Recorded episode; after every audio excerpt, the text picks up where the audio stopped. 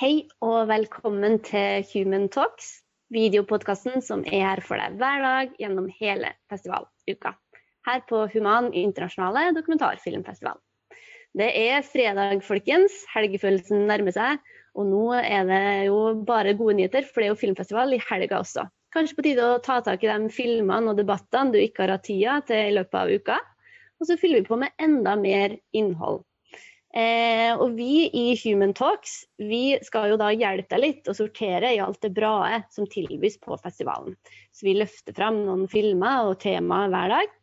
Og i dag så skal vi løfte fram et tema som er viktig for festivalen, nemlig skeives rettigheter i ulike land rundt omkring i verden.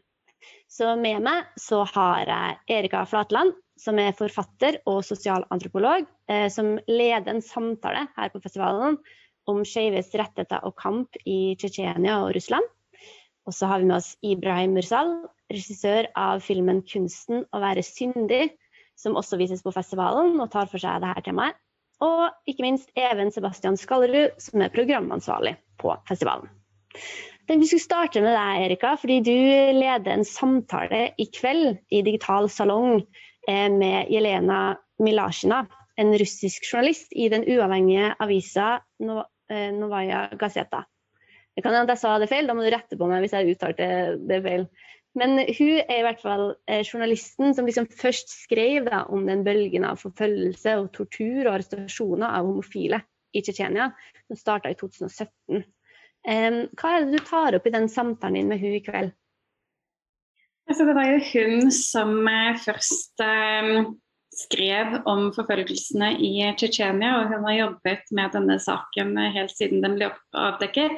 Hun har også jobbet med Tsjetsjenia i, i, mange, mange, mange år før dette ble avdekket. Altså, Tsjetsjenia er jo en av de regionene i Europa hvor det begås mest menneskerettighetsovergrep. Altså, det er jo en slags lite diktatur eh, i Russland, som jo heller ikke er eh, sånn demokratiets eh, høyborg. Så eh, jeg snakket med henne da om situasjonen i Tsjetsjenia generelt, og om eh, arbeidet hennes i Tsjetsjenia. Eh, og da selvfølgelig også mer spesifikt om hvordan hun avdekket dette med forfølgelsene av homofile i Tsjetsjenia. Hvordan dette har utviklet seg videre. Hvordan vil du beskrive den situasjonen som skeive homofile altså Hvordan har de det i Tsjetsjenia i dag? Altså hele Russland, I hele Russland er jo situasjonen for uh, skeive, for homofile, for alle som er annerledes uh, altså Den blir bare verre for, uh, år, for hvert år som går. Og i Tsjetsjenia så er de helt rettsløse. Eh, det som skjedde i 2017, var at politiet begynte en systematisk forfølgelse av homofile. Um, fengslet homofile, eh, holdt dem i fangeleirer eller i såkalte hemmelige fengsler, som ikke er så hemmelige, at man vet hvor de er. Um, torturerte dem, noen ble drept. Og dette er um, Altså dette foregår, foregår den dag i dag. altså Senest nå i februar så ble to homofile menn på 17 og 20 år som hadde klart å, med hjelp fra organisasjoner i Moskva klart å rømme fra Tsjetsjenia. De ble fengslet utenfor Moskva og sendt tilbake til Tsjetsjenia, der de i dag nå sitter anklaget for eh, terror. Og situasjonen for journalister som prøver å rapportere om det her, da, den er jo kanskje ikke særlig mye bedre. Uh, Milasjen, da, som du intervjuer som folk kan høre på i kveld. Hun har jo selv blitt banka opp og, og trua til og med av presidenten i, i Tsjetsjenia. Um, hvorfor, hvorfor fortsetter jeg å, å, skrive om det, du som har snakka med henne? Jelena Melasjen er en, en, veldig modig journalist, en veldig modig kvinne. Um, og har jo blitt uh, Eh, drapstruet mange ganger. Og mange av hennes kolleger er jo blitt drept de siste årene. Russland er et av de farligste landene i verden å være journalist i. Eh, men hun syns det er viktig. Eh, og hun tar jo selvfølgelig alle sikkerhetsforanstaltninger. Hun er forsiktig. Hun har jobbet i Tsjetsjenia nå i veldig, veldig, veldig mange år. Men altså, uansett hvor forsiktig man er, så kan man aldri være helt sikker. Så jeg beundrer henne voldsomt, og hun er rett og slett kjempemodige. Og jeg er så glad for at det, altså selv om situasjonen er mørk i Tsjetsjenia og situasjonen er mørk i Russland, så er det liksom et lite lyspunkt at man har stemmer som Jelena Milasjina. Derfor er vi også glad for at du har intervjua hun um, for festivalen, så vi kan alle møte hun i kveld på Digital salong. Men even det er jo flere filmer på festivalen som tar for seg skeives rettigheter rundt omkring i verden. Vil du, vil du trekke fram noen filmer som vi kan se, hvis vi vil fordype oss? Absolutt, det er det. Eh, vi har tre filmer på programmet som eh, på ganske ulikt vis tar for seg skeive rettigheter og aktivisme for å, fremme skeive rettigheter. Og da er det jo veldig relevant å først trekke fram 'Welcome to Tsjetsjenia', som er eh, en innmari sterk og rystende film fra eh, altså forfølgelsen i Tsjetsjenia, men også som følger noen av de aktivistene som risikerer livet for å, å redde ut eh, folk som er i livsfare i, i Tsjetsjenia. Og, og, hvor vi også følger noen av dem som, som tar eh, noen av disse sakene faktisk til, til eh, domstoler i, i Russland. Um, den er en veldig uh, sterk film, og kjempedyster, selvfølgelig, men også, altså, eh, også, litt håpefull på samme måte som det Erika eh, trekker fram. Altså. Eh, så har vi filmen 'Cured', som, eh, som følger en, eh, en, gruppe amerikanske aktivister eh, i deres da, historiske kamp for å få avskaffet homofili som en psykiatrisk lidelse, for å for, forandre diagnosemanualen til American, American Psychiatric Association. Um, og så har vi kunsten å være syndig, um, der vi følger da altså norsk-sudanske uh, Ahmed Omar, um, anerkjent kunstner og uh, flyktning fra Sudan og, og Sudans uh, første åpent homofile mann. og den kan jo Ibrahim fortelle mer om, selvfølgelig, men alle er veldig gode filmer som vi anbefaler. Ja, for Vi har jo med oss deg, Ibrahim, som er regissør av den filmen 'Kunsten å være syndig'. Hvorfor ville du lage den filmen? Yes, eh, først Tusen takk for invitasjonen, og hei til deg, Even og Erika. Eh, 'Kunsten å være sindig' er en film med flere lag. Eh, og Grunnen jeg ville lage denne filmen, var eh, for på en måte å bearbeide noen spørsmål jeg hadde selv om eh, ikke bare eh, det med homofili eller skeives rettigheter, men også det med identitetsbygging. Eh, for Ahmed Omar, som er hovedpersonen i denne filmen, eh, gikk gjennom en, en, utfordring som var veldig interessant for meg. At han hadde to deler av sin egen identitet som han er veldig stolt av. Eh, de begge delene. At han er en sudaner, en stolt sudaner, og er også skeiv, en stolt uh, homofil mann. Men disse to delene av hans egen identitet kan på en måte være i konflikt med hverandre. Og Det for meg var en veldig interessant uh, utfordring en person kan, kan, gå igjennom. og Jeg tenkte å se og følge hans reise. Ikke bare som kunstner, men hvordan han bygger uh, en identitet uh, i Norge og ute i verden som kunstner og skeiv. Og du er ganske ærlig i filmen uh, sjøl også, om at du først syntes det var rart å møte en uh, sudansk muslim som var homofil. Um, og det virker som du sjøl også går på en litt reise i løpet av den filmen. Kan du fortelle litt om det? Mm.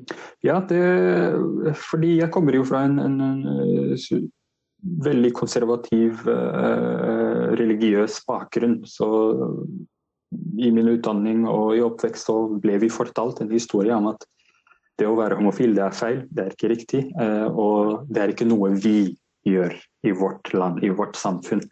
Men så kommer Ahmed ut, og det på en måte bryter alle disse eh, narrativene som ble skapt i min hode. Og da var det jo spørsmålet om at eh, en oppdagelse at eh, egentlig jeg har aldri sittet ned med, med en, en skeiv sudaner og faktisk hatt en dialog med dem. Det er bare ting jeg hørte og som jeg startet å tro på.